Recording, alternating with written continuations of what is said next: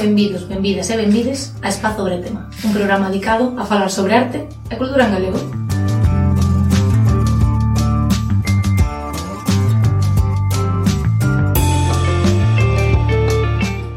Eh, acaban de darnos unha mala noticia. E vou así, a pelo. Que só quedan dos programa. Que facemos agora? Nada. Na, no, no, contame ti, que facemos agora? Xa está, facerose e acabouse. Pero que estou triste. Bueno, pois é o que hai. E que además é a segunda mala noticia. Porque temos aquí este espacio que claramente estades vendo, se estás vendo porque la magia de la edición. Eh, falta Jenny. A nosa querida Jenny. La máis grande de España. A máis grande. Pero bueno, mandamoslle moitos biquiños. eh, e por unha boa razón, o traballo sempre son cousas boas. Eh, efectivamente. Así que, pois nada, está aquí nos nosos corazóns non morriu, eh? Exacto. O sea, a ver, sona a morte dramática e giro dos acontecimientos, non, no, está traballando. De feito, está actualmente traballando, entonces Un besito moi grande, cariño.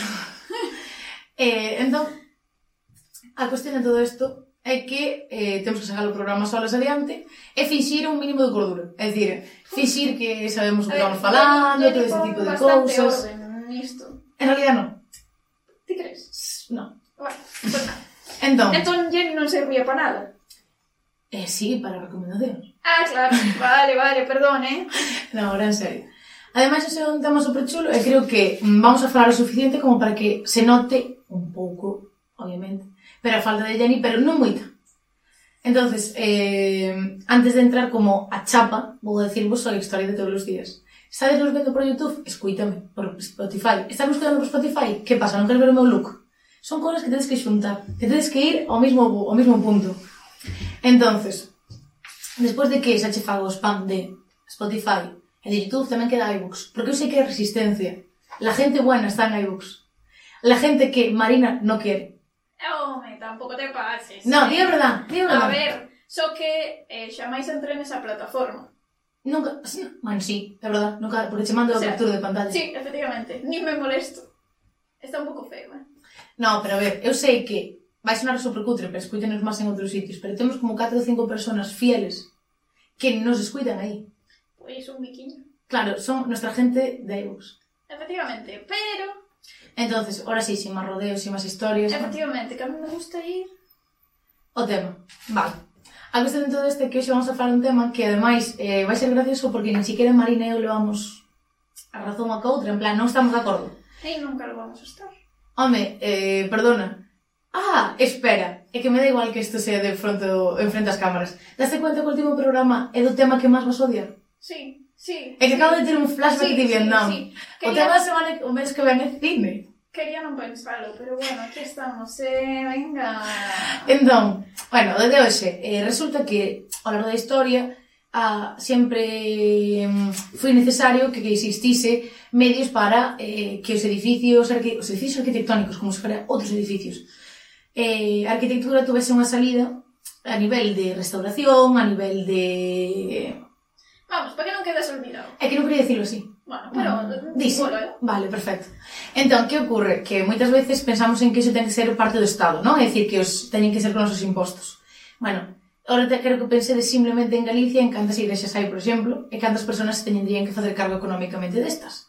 Entón, a idea de hoxe é falar de como se reutiliza o patrimonio arquitectónico e que vidas se lle dan novas, si estas nos parecen que son as máis adecuadas e se si nos parecen que non.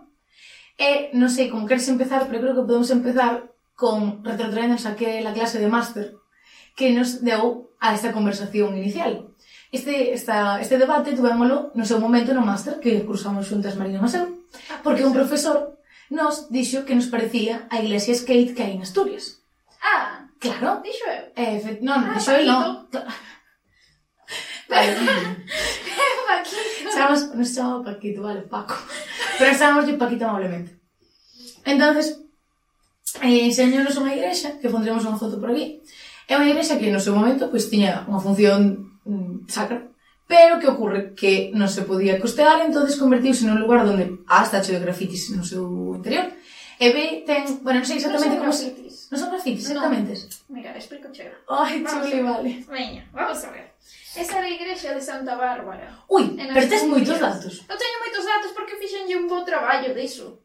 Eh, eu rajei. Sí. Non, rajaches ti, no. eu a favor. Efe, efectivamente, estábamos sempre, sempre, nunca chegamos a un acordo nestas Ti, máis eu non. Ben, pois esa igrexa, o que pasou é que se construiu eh, nun polígono industrial porque era para os obreiros, eh, igual que como unha necesidade básica, igual que había hmm. sido a escola e as vivendas, pois tamén esa igrexa. E que a guerra civil o que pasou é que eh, esa, bueno, a industria onde se traballaba que era de explosivos pechou, hmm. entón todo mm, vai vai. Así de simple. E eh, quedou, quedou... Usaches vai vai no traballo. así tal cual. Vale. Entón, eh, quedou abandonado e, eh, e bueno, eh, despois comprou uno, unha persoa, bueno, como, como se di, cando é unha propiedade privada, sabes, mm. para facelo en plan propiedade privada, e despois mediante un crowdfunding destes, sí. como se diga. Crowdfunding é cando recolectas diñeiro de maneira desinteresada, usualmente por internet. Bah, desinteresada, en realidad é interesado, porque o que querían era facer... No, desinteresadas persoas que claro, aportan claro, dinheiro. Claro, claro, sí, eso sí. Vale, o que querían era facer un skate ah, no, dentro sí.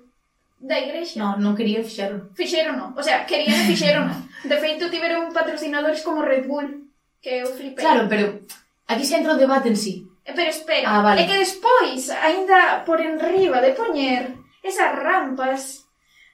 Uf, aquí teño que dicilo. É digo, que digo. odio a esta artista con toda a miña alma. Que sinto moito. Que ne digo, digo? Ocuda. É moi famoso tamén o do Faro de Cantabria, creo que había. Pero cuda non é porque é moi polémico. Mira, é este que fai colorines e formas, todo de colorines e formas, e veña, e veña, é, é rechado. Isto está, na li, eso está na línea de Jenny odiando a Picasso. Mais. Ah, vale. Mais, Perfecto. mais. O sea, que imagínate. Eh, e, e pintou todas as paredes, o teito. Unha desfeito. A ver, realmente Sin entrar en debate serio, solo no esta iglesia, debate. vale? Sí, sí, vamos, debatir que estamos aquí. Pero, sin entrar en debate serio, serio, serio, ainda sin entrar en cuestións técnicas, arquitectónicas e tal, a ver, realmente, visualmente, a hostia. O sea, o que, o que hai dentro é eh, Marina, descontextualiza ou, por favor, pide sí, un segundo. Que estou descontextualizando. No, non estás facendo. Marina, é que se me pasou ese beso. Contextualización. É que todo o que fai ese artista, a min, é que doeme. Quero arrancarme os ollos. Pero estou falando do concepto de vaciar unha igrexa e convertila en un lugar para skate. Sí, a ver, eso mola, pero...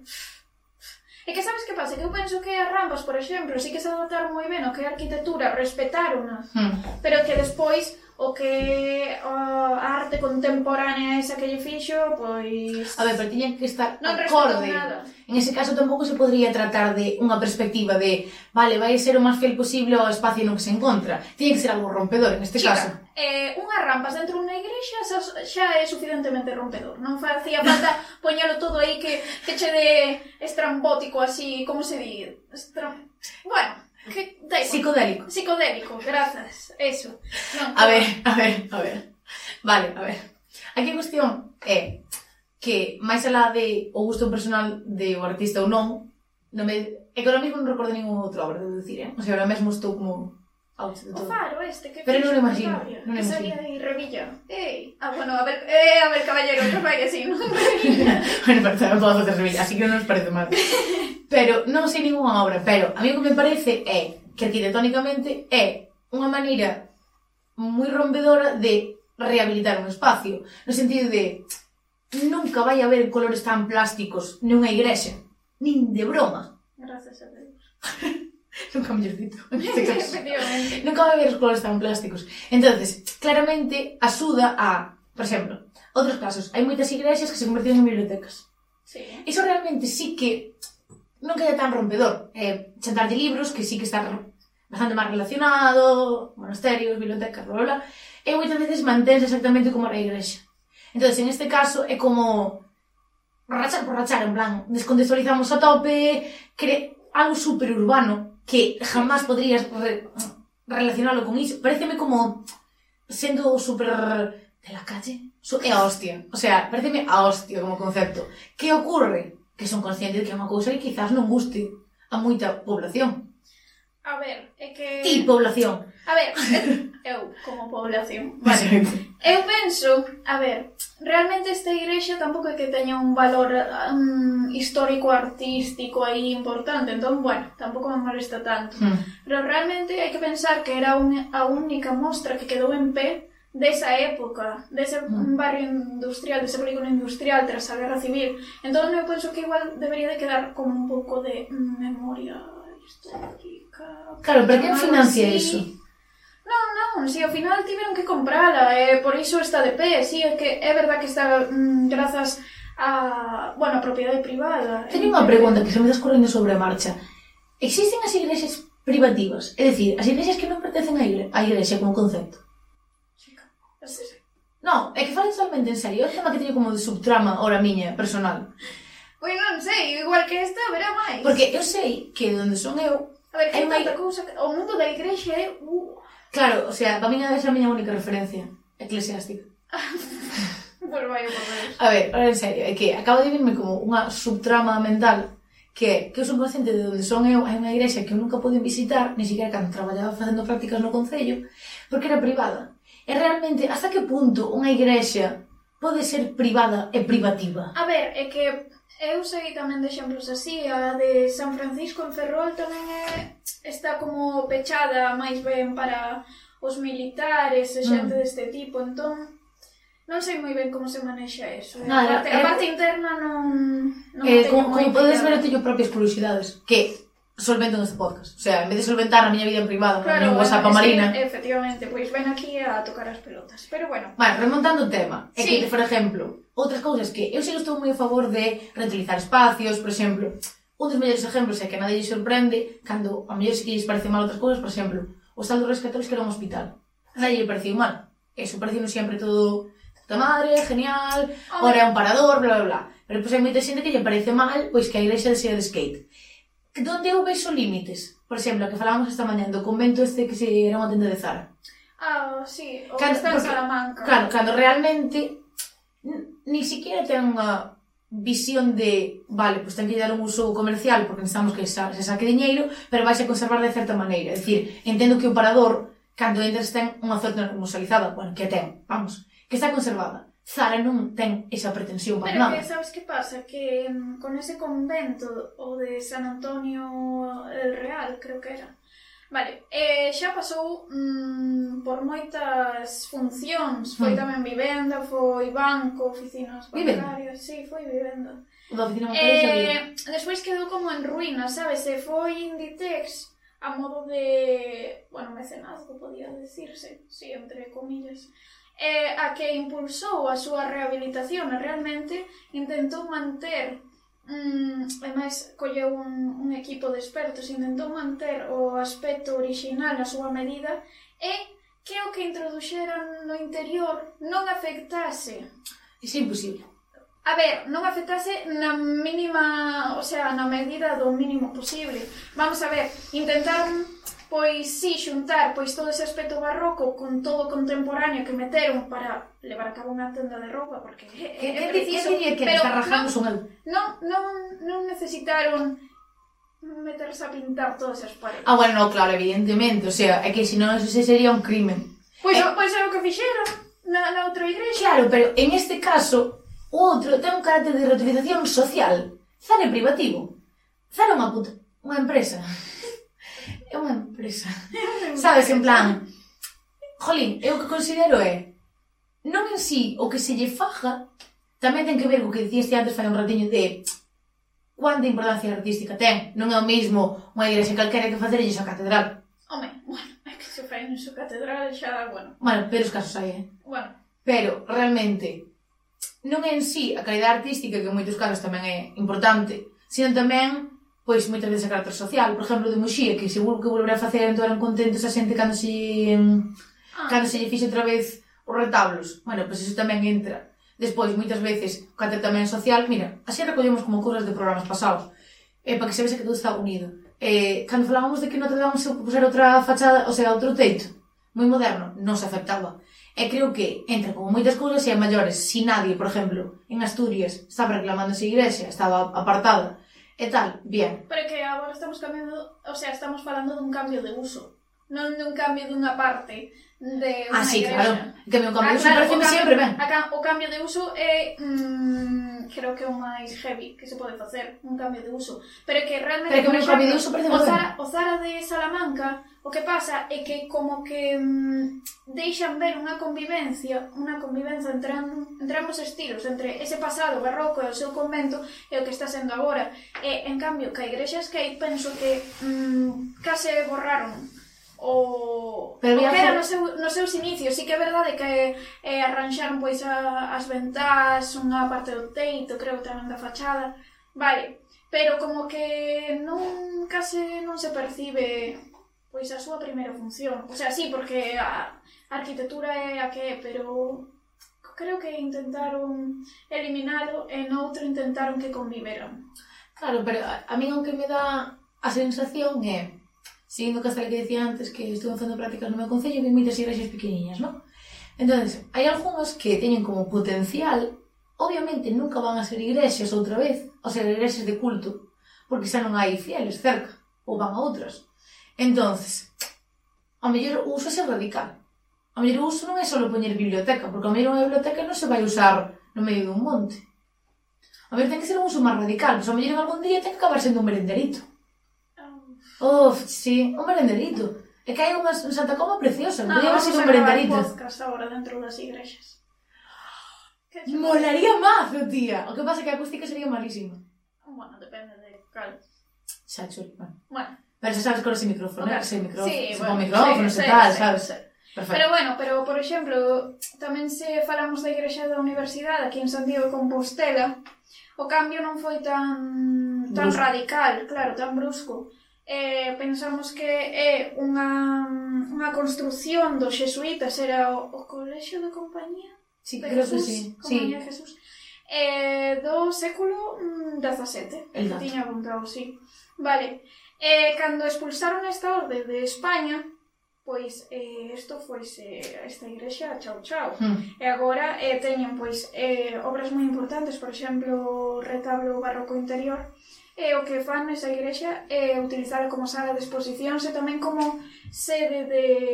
como unha orquestra. Sí, fan concertos. Sí, eh, sabes, eh, fan exposicións, pero podes ver perfectamente a igrexa, en plan, todo o que ten a igrexa, a vez que esas pezas expostas. Entón, eu creo que eso levanos vai moi ben a unha conversación de museoloxía de non é un bo espacio para expoñer. Porque o espacio te come a exposición. Home, sí. É que realmente, como espacio expositivo en sí está super ben, pero bueno, é unha cuestión de museoloxía que ti cando faz unha exposición, bueno, isto é dato para que entendade a conversación que imos ter. Cando ti faz unha exposición, ti tens que ter moi en cuenta que os protagonistas teñen que ser aquelas obras que ti leves. Entonces, por iso, os museos, as galerías, etc., son paredes blancas que bueno, cada día isto vai cambiando un pouco máis, porque se empeza a poñer máis de moda que sean paredes de colores, porque van a contrastar co cuadro, etc. Entón, por eso parece que son cubos blancos. De feito, hai toda unha estela de museos que dos 80 que se chaman cubos blancos. E, entón, axudan moito a que ti o que aprecies cando estás ali é a obra e non todo o que hai detrás. Que non te distraigas. Efectivamente. Que ocorre que a igrexa da universidade, que sempre surdiu como un problema, o feito de que se ti non tapas os, os, os iba a tapices, Jesús. Eu trabalho me matando. Eh, eh, se ti non tapas os retablos, moitas veces é que se come a obra. Non fai tanto comillas, comillas, comillas, fun con unha colega, a ver unha expo de fotografía. Que ocurre? A fotografía, a veces, eran pequenas, non sei se eran a gran tamaño. Eu sentía, en parte, que en realidad estaba vendo a igrexa e a maiores era unha pequena expo claro. para aderezar a historia. A ver, eu cando vou ali, si sí que fixome máis no que a igrexa, pero porque me interesa máis. Pero que as exposicións que hai no interior, pero realmente a ver, está ben que deixen eso como espacio expositivo e así, pois entre alguén, senón seguramente estaría vacía. E que opinas sobre, por exemplo, Uf, que parece, che parece mala opinión. Sí, sí, vale. non me gusta que me pidas opinar. Ayer non podo, o sea, eh, por exemplo, imaginémonos, igrexa estándar con retablo barroco. O sea, todo facendo, todo facendo iglesia tem, retablo barroco. A iglesia non ten nada máis que só ese retablo. É dicir, estáse conservando por eso. Que che parecería Eliminarlo, retablo, llevarlo a un museo. E usarlo por otro fin. Mal. no claudica nada, chico. No, le, va, no le vale una cosa, no le vale sacar el retablo, no le vale pintarla. Chico, pues pájala tú, pájala tú. Si tuviera cartos, pajaba. Todo lo de España. De feito, eso pasa que con todos los pazos castillos que hay en España, no hay dinero para pagarlos. ¿eh? non de novo para jornada home, pero eh, o caso é que, por exemplo, eu vería mal porque a min gustame as cousas no seu contexto. Contextualizado. Sí, non me gusta sacalos, se por exemplo sacar un retablo e poñelo nun museo, uf, dolor de cabeza, pero bueno, non sei, non... Non, non eu digo porque... Caso. No, é un caso inventado, o caso... Claro, sí, sí, claro, no, sí, claro. Isto é como as películas de cualquier parecido con la realidad es pura. Digo porque, por exemplo, se si unha igrexa que é un edificio que pode ter moitos usos, realmente só se está conservando por unha parte moi ínfima da realidade, que é un retablo, que pode ter unha moi boa vida e quizás mellor. Nun museo, eu tamén estou a favor da súa contextualización e teña sentido en ela mesma, pero realmente a mellor temos mm, parado un edificio só por unha parte moi pequena da historia. É que eu son moi antigua para esas cousas. O sea, muy... é verdad. Titular, dos puntos. Marina, comelles, comelles, es que yo soy moi antigo para estas cosas, cerramos comelles. É que é verdade, o sea, eu sei que ás veces non son capaz de ser de todo obxectiva con, con, con isto. Pero é que para min todo é intocable. Para mí creo que sempre este todo ben e sobre todo as igrexas porque para min son increíbles eh, non sei Logo tamén pareceme mal, non sei se che parece falar un pouco disto, eh, do caso, pois, por exemplo, de que mm, cando unha persoa famosa, influyente, unha persoa mm, con moito sí, pois. diñeiro, eh, paga unha restauración dun monumento, despois faga o que queira. O sea, o que queira, entre comillas, porque se chegará un acordo. Pero, por exemplo, o caso de Bueno, é que eu de moda sei cero. Karl Lagerfeld... Karl Lagerfeld está ben dito. Ben. O de Fendi, que tamén estuvo creo que en Chanel, ou non sei que. Bueno, eso. Karl Lagerfeld era de Chanel, non? Pero é de Fendi tamén. Eh, bueno, fixo un spoiler mirando o infinito, non pasa nada.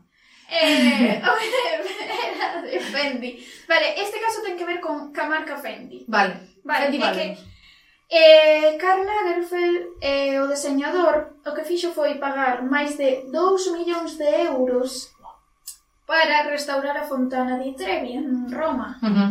Vale, e a cambio que se fixo unha pasarela por enriba dese monumento. El ajo con todas as monedas que sacan de liñas O meu corazón así... El ajo non lles daba as monedinhas que tiraban para... Non lles daba, eso non sei a onde vai. Eso, Recollen. eso recolleno todas sí. as noites. Ah, pero eu boto entón un céntimo, non máis. Eh, no, a peña bota euros. Eh? Sí. Sí, sí. Bueno, eso, a mí tamén me parece mal, porque Eh, mira, o caso máis grave que vin recentemente fui, fun con dúas amigas a Milán. Non vayas a Milán. Entonces, é que tuve mala experiencia en Milán. Entonces, eh, evidentemente, o que máis chama a atención en Milán é ver o Duomo.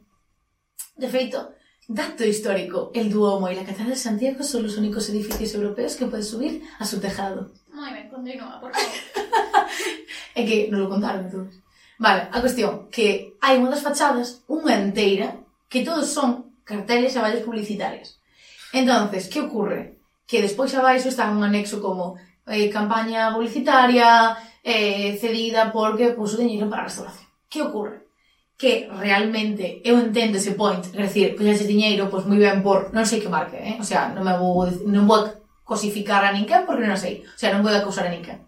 Pero, está moi ben, pero que se ti vas ver o, o Duomo, non me tapes media fachada. Da igual que sea principal que secundaria.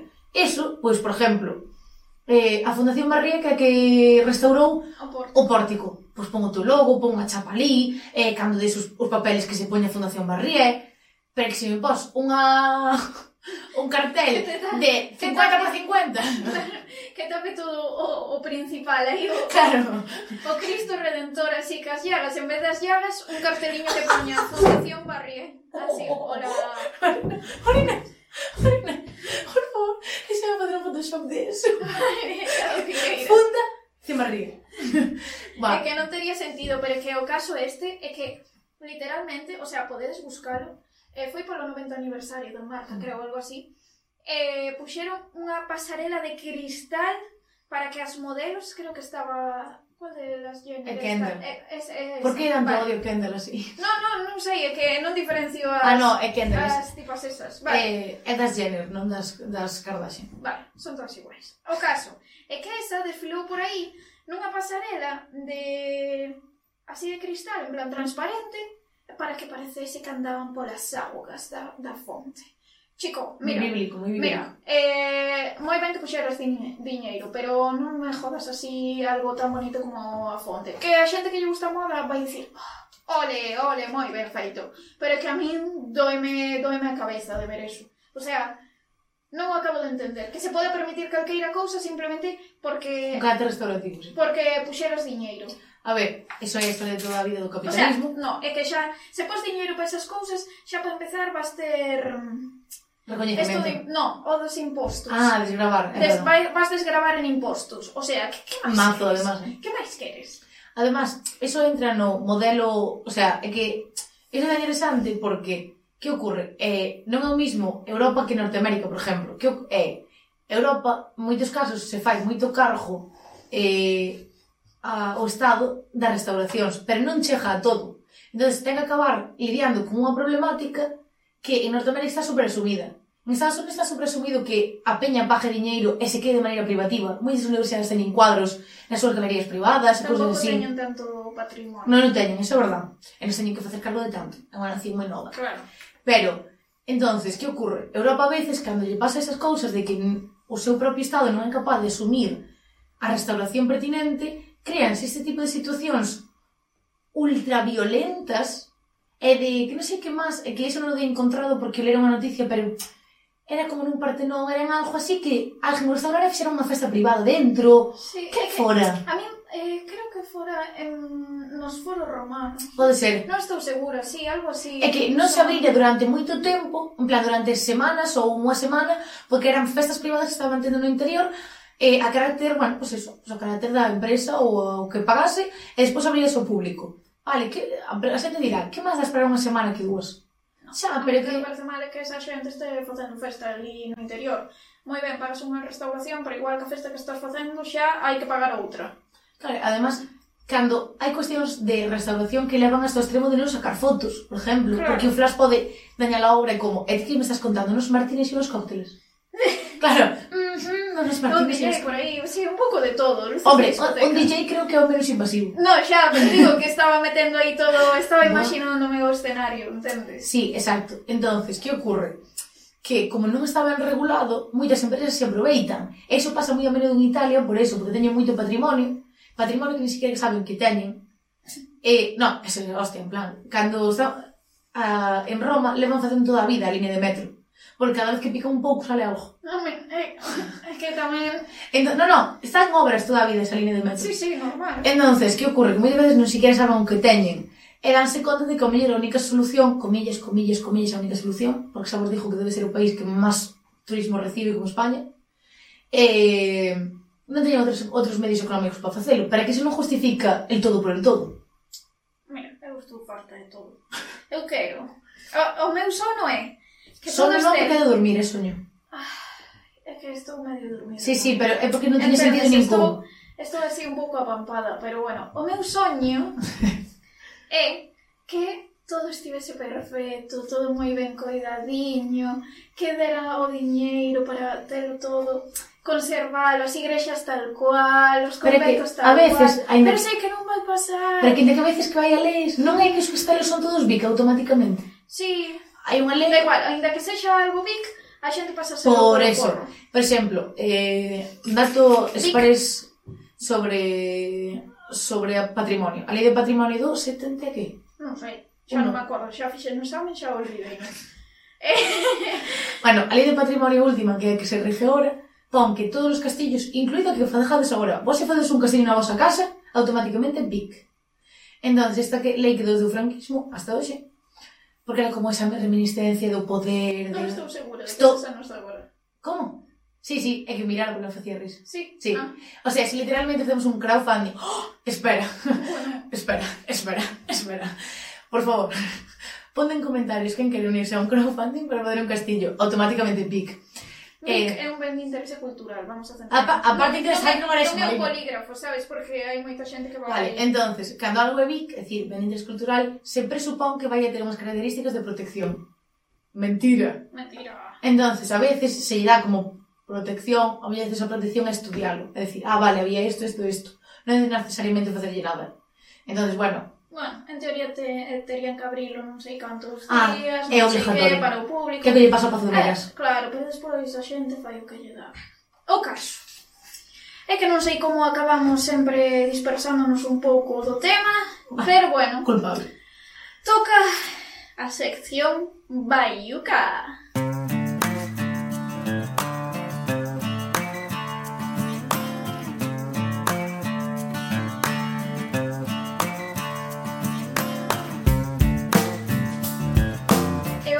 esta sección bayuca vamos traervos, bueno, vamos a presentar en sociedade a nosa nova compañeira de Espazo Bretema. Podes pasar, Noelia, por favor. Uh! Como non temos público, somos o noso propio público. Hola, Noelia!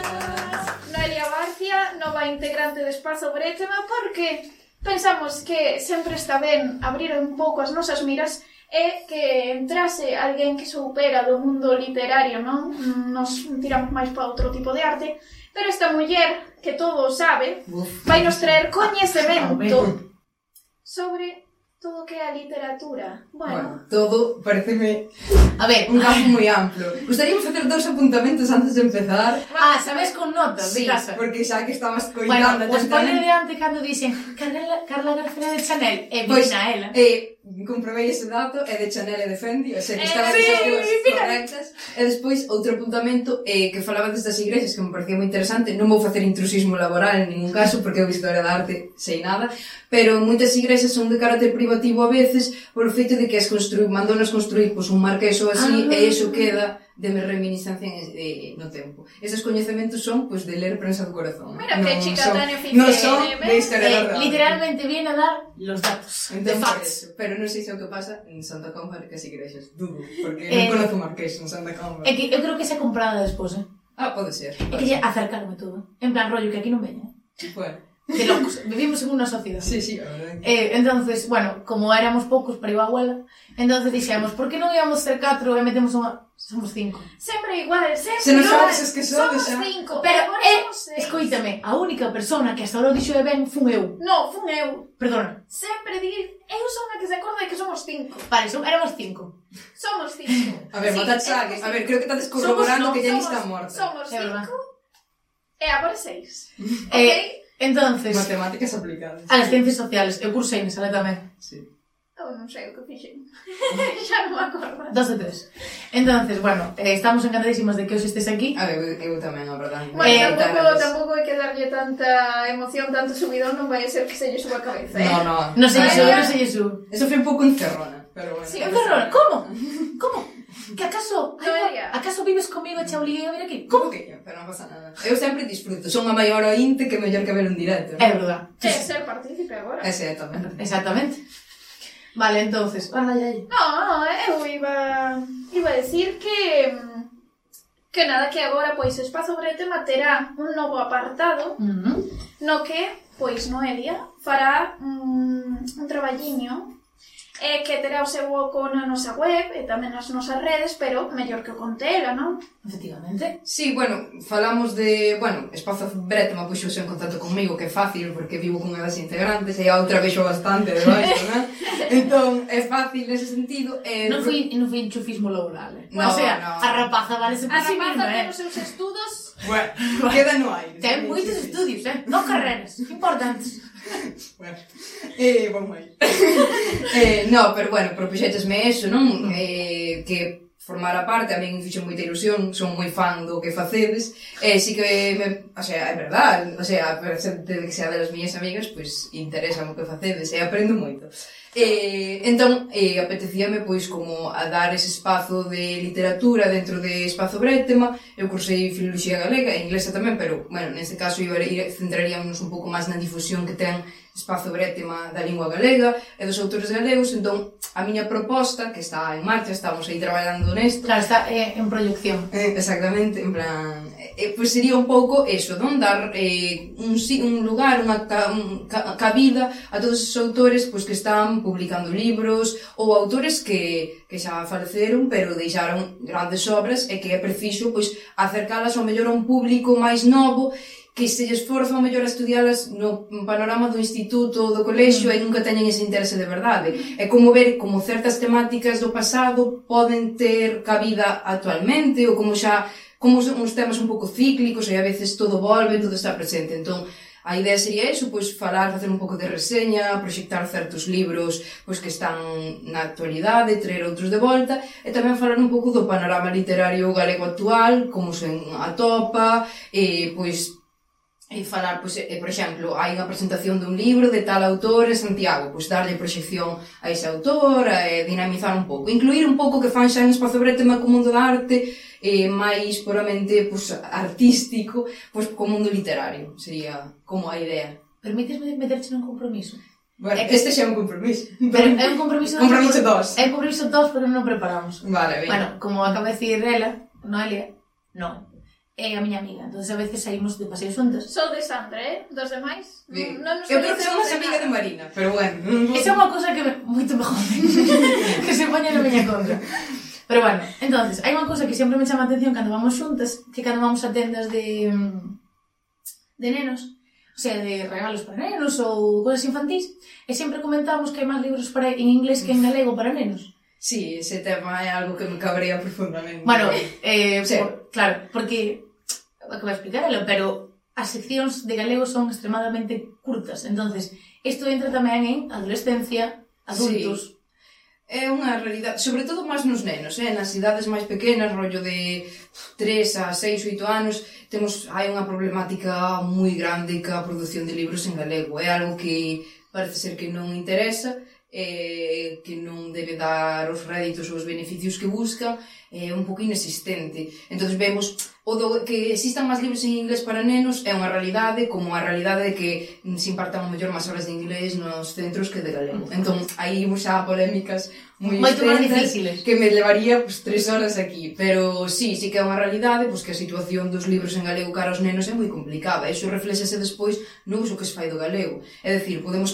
Se non producimos libros en galego, non vai haber falantes de galego, porque non somos dunha xeración que creciu pues, co Xabarín, que era un referente que, inda que ti non falaras galego, foras castelán falante, tiñas ese referente, e tiñas alguén que falara galego. Pero que agora estamos vindo unha situación mm. na que os avós están morrendo, xa non falan galego, os pais xa non falan galego cos nenos. O cambio de idioma pos, pos nenos. Exactamente, que iso xa... É un... Apocalipsis, eh? Claro, sí, a situación da os non sei que planteou aquí o. No, pero é unha situación sí que moi problemática que se está dando co galego. Entón, que pasa? Se non hai produción, nin temos referentes en galego, esos nenos non aprenden galego. E sabemos que o ámbito da escolarización, por malísima sorte, non é un ámbito onde os nenos entren a falar galego. É dicir, é un ámbito no que cambian a falar castelán. Entón, eu vexo, pois, pola miña experiencia persoal, e de comprar libros infantis para meus primos, que se non fomentamos que existan libros en galego, habrá certos contidos que os nenos eh, aprendan en castelán, por exemplo, os números, as cores, mm. eh, moitísimas cousas, que despois a facer ese cambio é moi complicado se non tes un ambiente galego falante que te rodee. E que iso hasta nos pasaba a nos, por exemplo, de encontrar libretas de cando éramos nenas, eu son consciente de como diario durante moitos anos estuvo en castelán. Sí. Porque era como o que se imitaba, por exemplo, eu estuvo moi de moda cando éramos nas rapazas, mi estupidiario, non? Era un libro. Uh -huh. Entón, eso leron todas as rapazas da miña xeración, pero menos de onde son eu. Jo, pues era, era, era, era Eu non estaba metido en nada eso, nin diario, nin nada. Eu ah, era, pues, eh, era bastante bella. Entón, desde pequena eu era bella. Marina na iglesia, Por si claro, claro, exacto, Dille, estaba dando así que... Eucaristía... Vale, entonces, que eu son consciente de que eu son galego falante toda a miña vida. Entonces, cal é o problema? Que eu escribía en castelán. Porque eu que leía éramos os contos en castelán, os libros eran en castelán. entonces eu creo que tamén é un pouco como a línea que estamos seguindo en Prétema en este caso, que é hai moitas cousas chulísimas que ler, e moitísimo contenido chulísimo que ler en galego. Sí, claro, eh, eso, queremos como dar cabida a que se poida expandir e verse todo o que se pode o que se produce en galego, que é moi bo e, e a importancia que ten e como podes encontrar libros que te identifiquen totalmente que estén escritos en galego e que te sintas identificado pois co que está sucedendo a ese personaxe ou o que sexa. Entón, eu creo que é algo importante é dicir, se estamos falando da importancia do galego pois dar, ao mellor ser un espacio que axude a xente a topar recursos para fomentar o uso do galego. Ou por seres castelán falante queres facer unha transición ao galego que todos benvidos, todos os castelán falantes que queirades facer unha transición ao galego. Venid,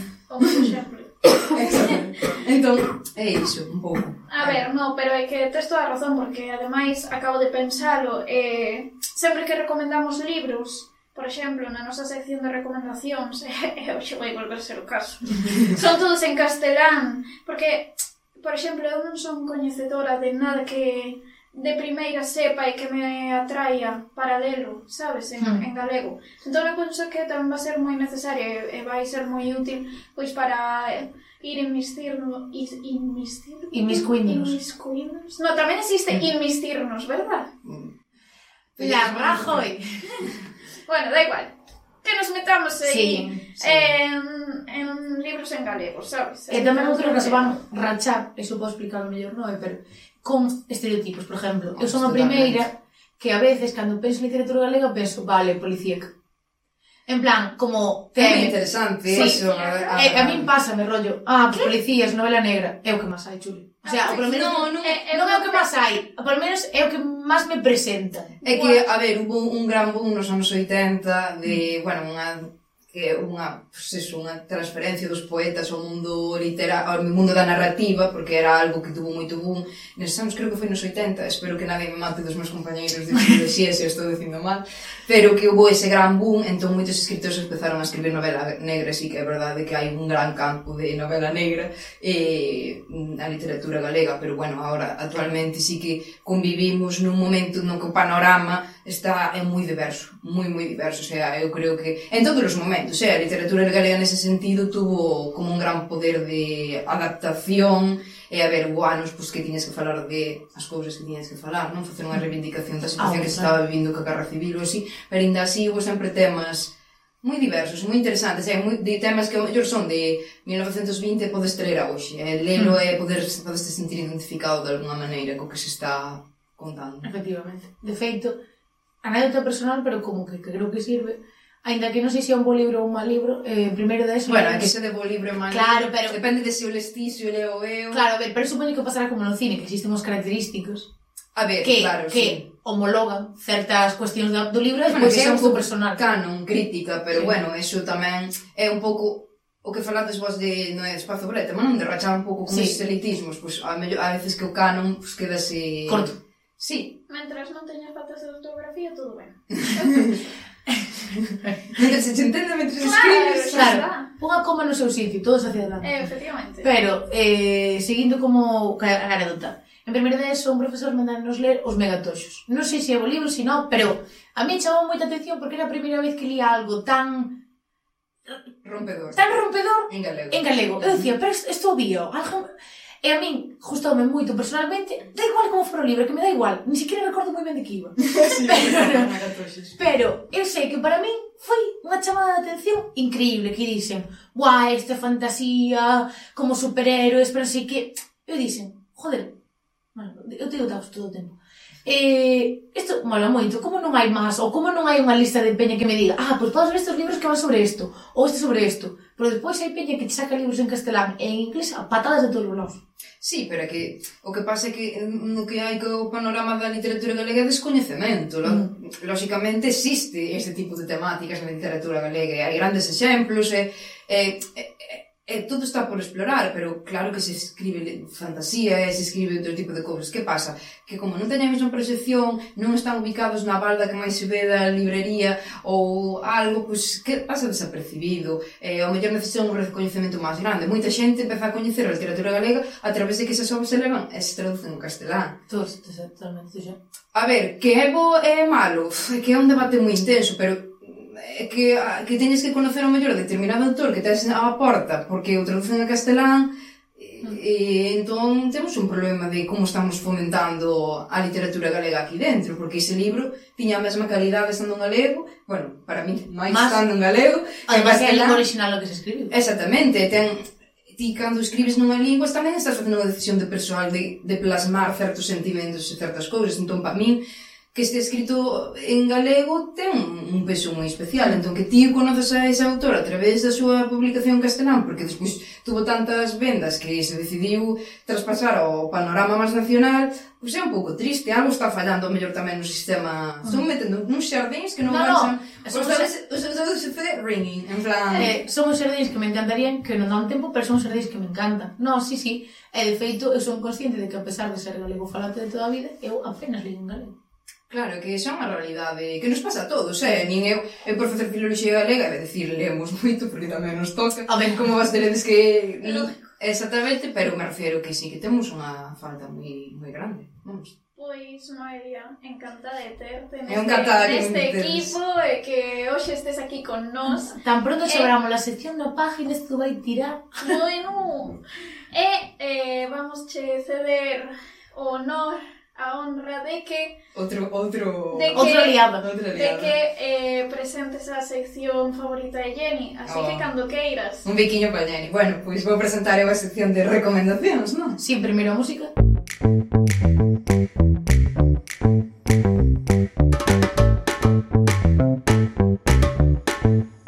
Eso foi o mellor, Jenny, eh, porque se nota que lle gusta moito. Hombre, que a mí me... Eso é que É que lle encanta. Bueno, pois pues non sei, Marina, podes mm. empezar a sección de recomendacións. Eh, Noelia, pouco preludio. É que, que, a ver, recomendacións con a palabra Xa, xa, ela por ela, claro, encha a boca. A recomendación encha a boca. Exactamente. Pois nada, pois vou empezar eu, como sempre acabo facendo. Eh, Elegir unha alia non é? É que sempre, eh? É que me quedas máis longe. Estás Bueno, como dicía, un libro en castelán. Pero igual hai traducción, tento ponte, que buscamos. Vamos a ver. É que este está traducido, eh? Non, non é Ah, castelán. Este sí. xa é inglés. Ah, vale. Bueno, de por aí. O caso. A ver, se é de Scotty, será italiano, chuli. Por que ti o digas? Bueno, pode ser, non sei. Non sei de onde é. Xa, bu- xa buscaredes se queredes. Chámase El robo de la sonrisa. ¿Quién se llevó la Gioconda del libro? Además, a Yukop. Era en inglés. La Yukop.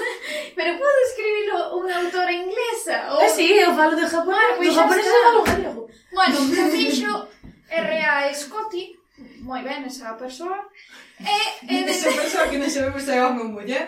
Tampouco, claro. Está moi ambiguo. Datos baixos. Está moi, exacto.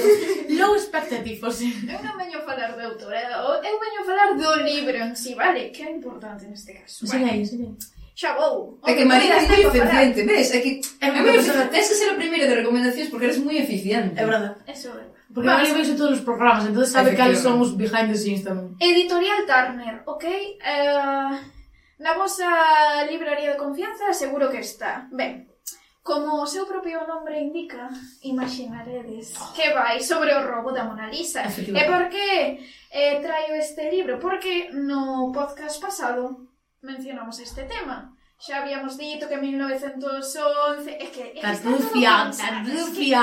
De feito, é que... como este vídeo vou subirou, vou poñer aquí linkeado mira, mira, mira, mira, mira.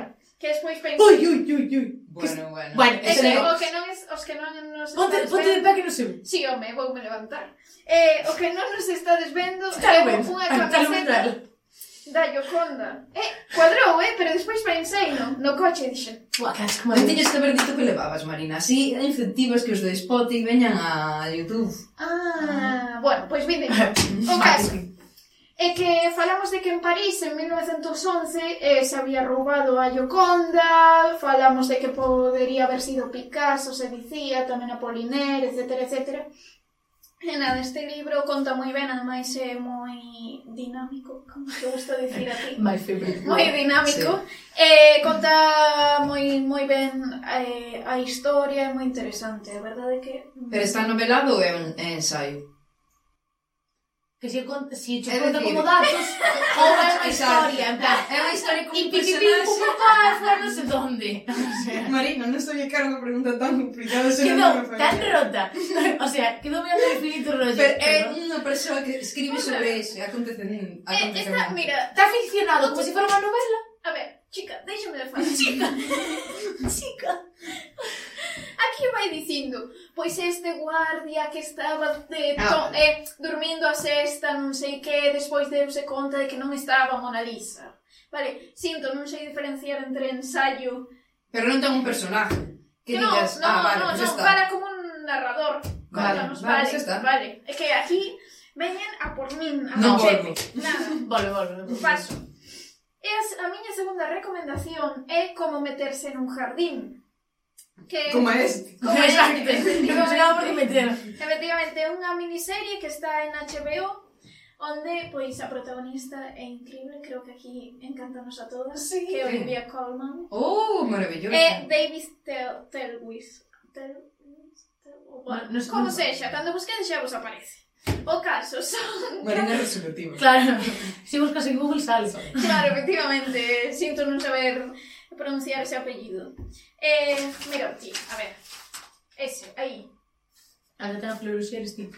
é verdade, a de filoruxer. Tal Wills, sí. Tal Wills. Oh, é que estaba perfecto.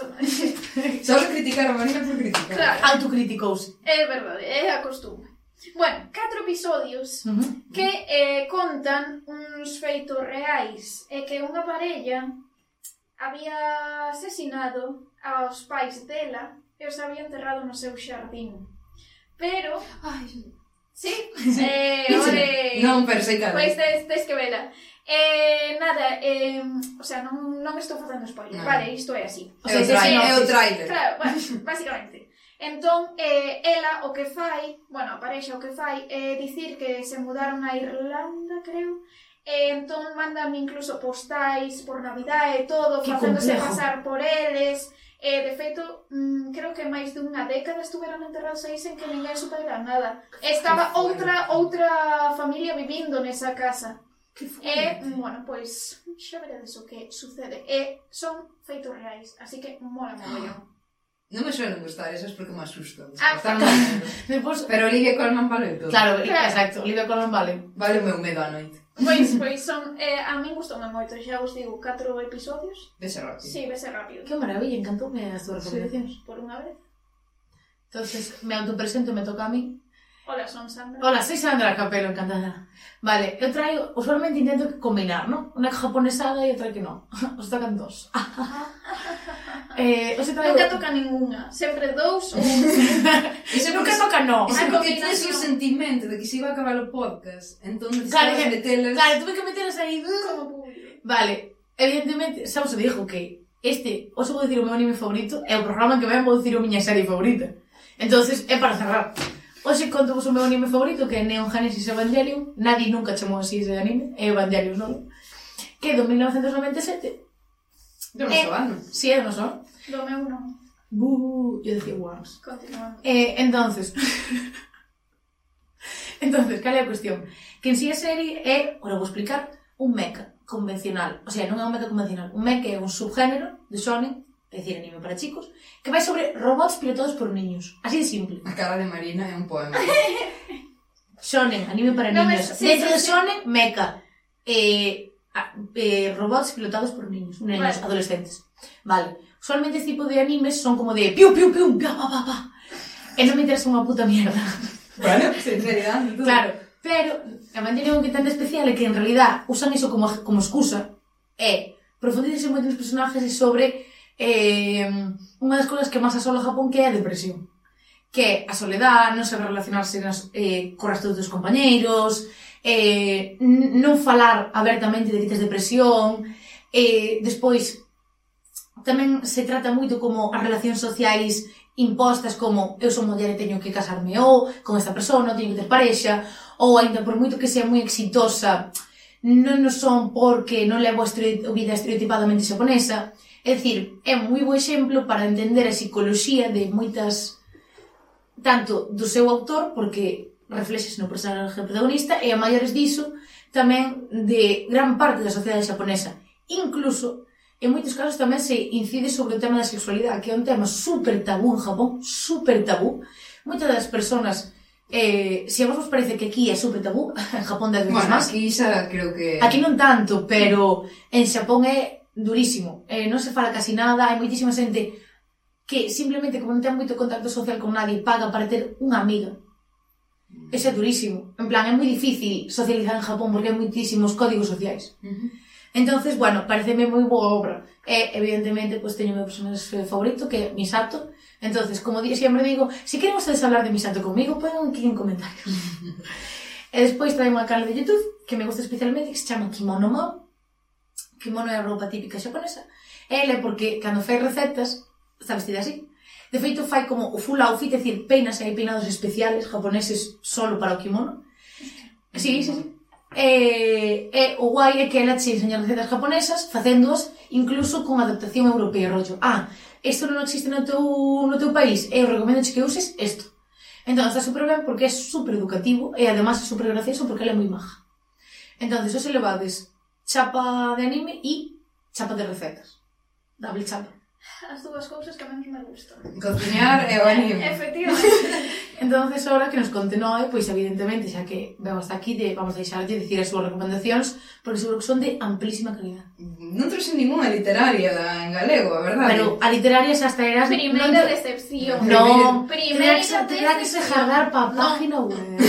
Podría facela, eh, ahora mismo, pero hai que guardar algo, non? De expectativa. Ah. Nada, eu iba a propoñer unha película que se chama El Buñeco de Nieve, que está en Netflix, creo recordar, e que me sorprendí porque hoxe buscando como está datos sobre ela, pensei que era unha peli noruega, noruega e unha peli inglesa, pero está basada nunha, nunha novela noruega, ahora todo ten sentido, de feito a localización toda en Noruega. É unha película destas así un pouco que contaba Marina que a serie de Olivia Colman, non? Destas que te ten intrigado todo o momento, hai sobre unha investigación de que empezan a morrer pois mulleres e aparece un muñeco de neve cada vez que morren. Que guapo. Eh, entón teñen que investigar e por que esos asesinatos en serie que hai de características nesas mulleres. Eh, está bastante interesante. Desas pelis que estás no sofá, non te queres levantar a por nada. Primeira recomendación, xa lle vou facer máis caso que as túas, eh? Como ves? Mírame, mírame la cara. Ve, véndome ben. Bronquen, me sinto no, rota se credes esas pelis que te teñen como unha angustia hasta o minuto final, que de feito é difícil, hai veces que xa predis, dices un pouquiño que vai pasar, sabes? Pero nesta, a verdade é que é difícil. Mm. Eh, pois pues está moi ben. Eso me gusta, sufrir na vida e sufrir na... con cas pelis. Exacto. Pa que, pa que sufrir todo o rato. Pa que parar. Porque ser dramática é o teu papel favorito. Eh, efectivamente. e despois, deixando o, de lado así a literatura, pero sí que traendo algo pues, do ámbito do galego que está agora, además, creo que saiu fai 4 días. Uh -huh. eh, teríamos a canción... Moita gracia. O okay. que? O que vas dicir? A recomendación? Sí. Pero oíchela. Bueno, é unha canción. Non, non é oín, pero só... Bueno, Solo a combinación, A ¿no? combinación. Vale, a canción é Eu chorar chorei, que é unha colaboración entre Ortiga e Pili Pampín. A mellor colaboración de España. A mellor colaboración de Galicia. É de España non nos interesa, de Galicia, sí. Eh, esa combinación non te... Pero é chulísimo, o sea, está tan ben feita. Eh, eh, e, e pareceme que está moi ben tamén o que estaba como fomentando Ortiga de traer, non? A, ah, que tamén canción se bella, en plan. Sí, sí, claro, me, eh, exactamente, pero como traer esas Pili Pampín ao final é un icono, non? Pois sí. un pouco da... da un anaquilo. Exacto, da cultura galega. Entón, traer, pois, eso é mezclar e ver que ten cabida todo xunto, pois, parece moi interesante. Creo que a proposta musical e o videoclip Vale, Pois agora no coche...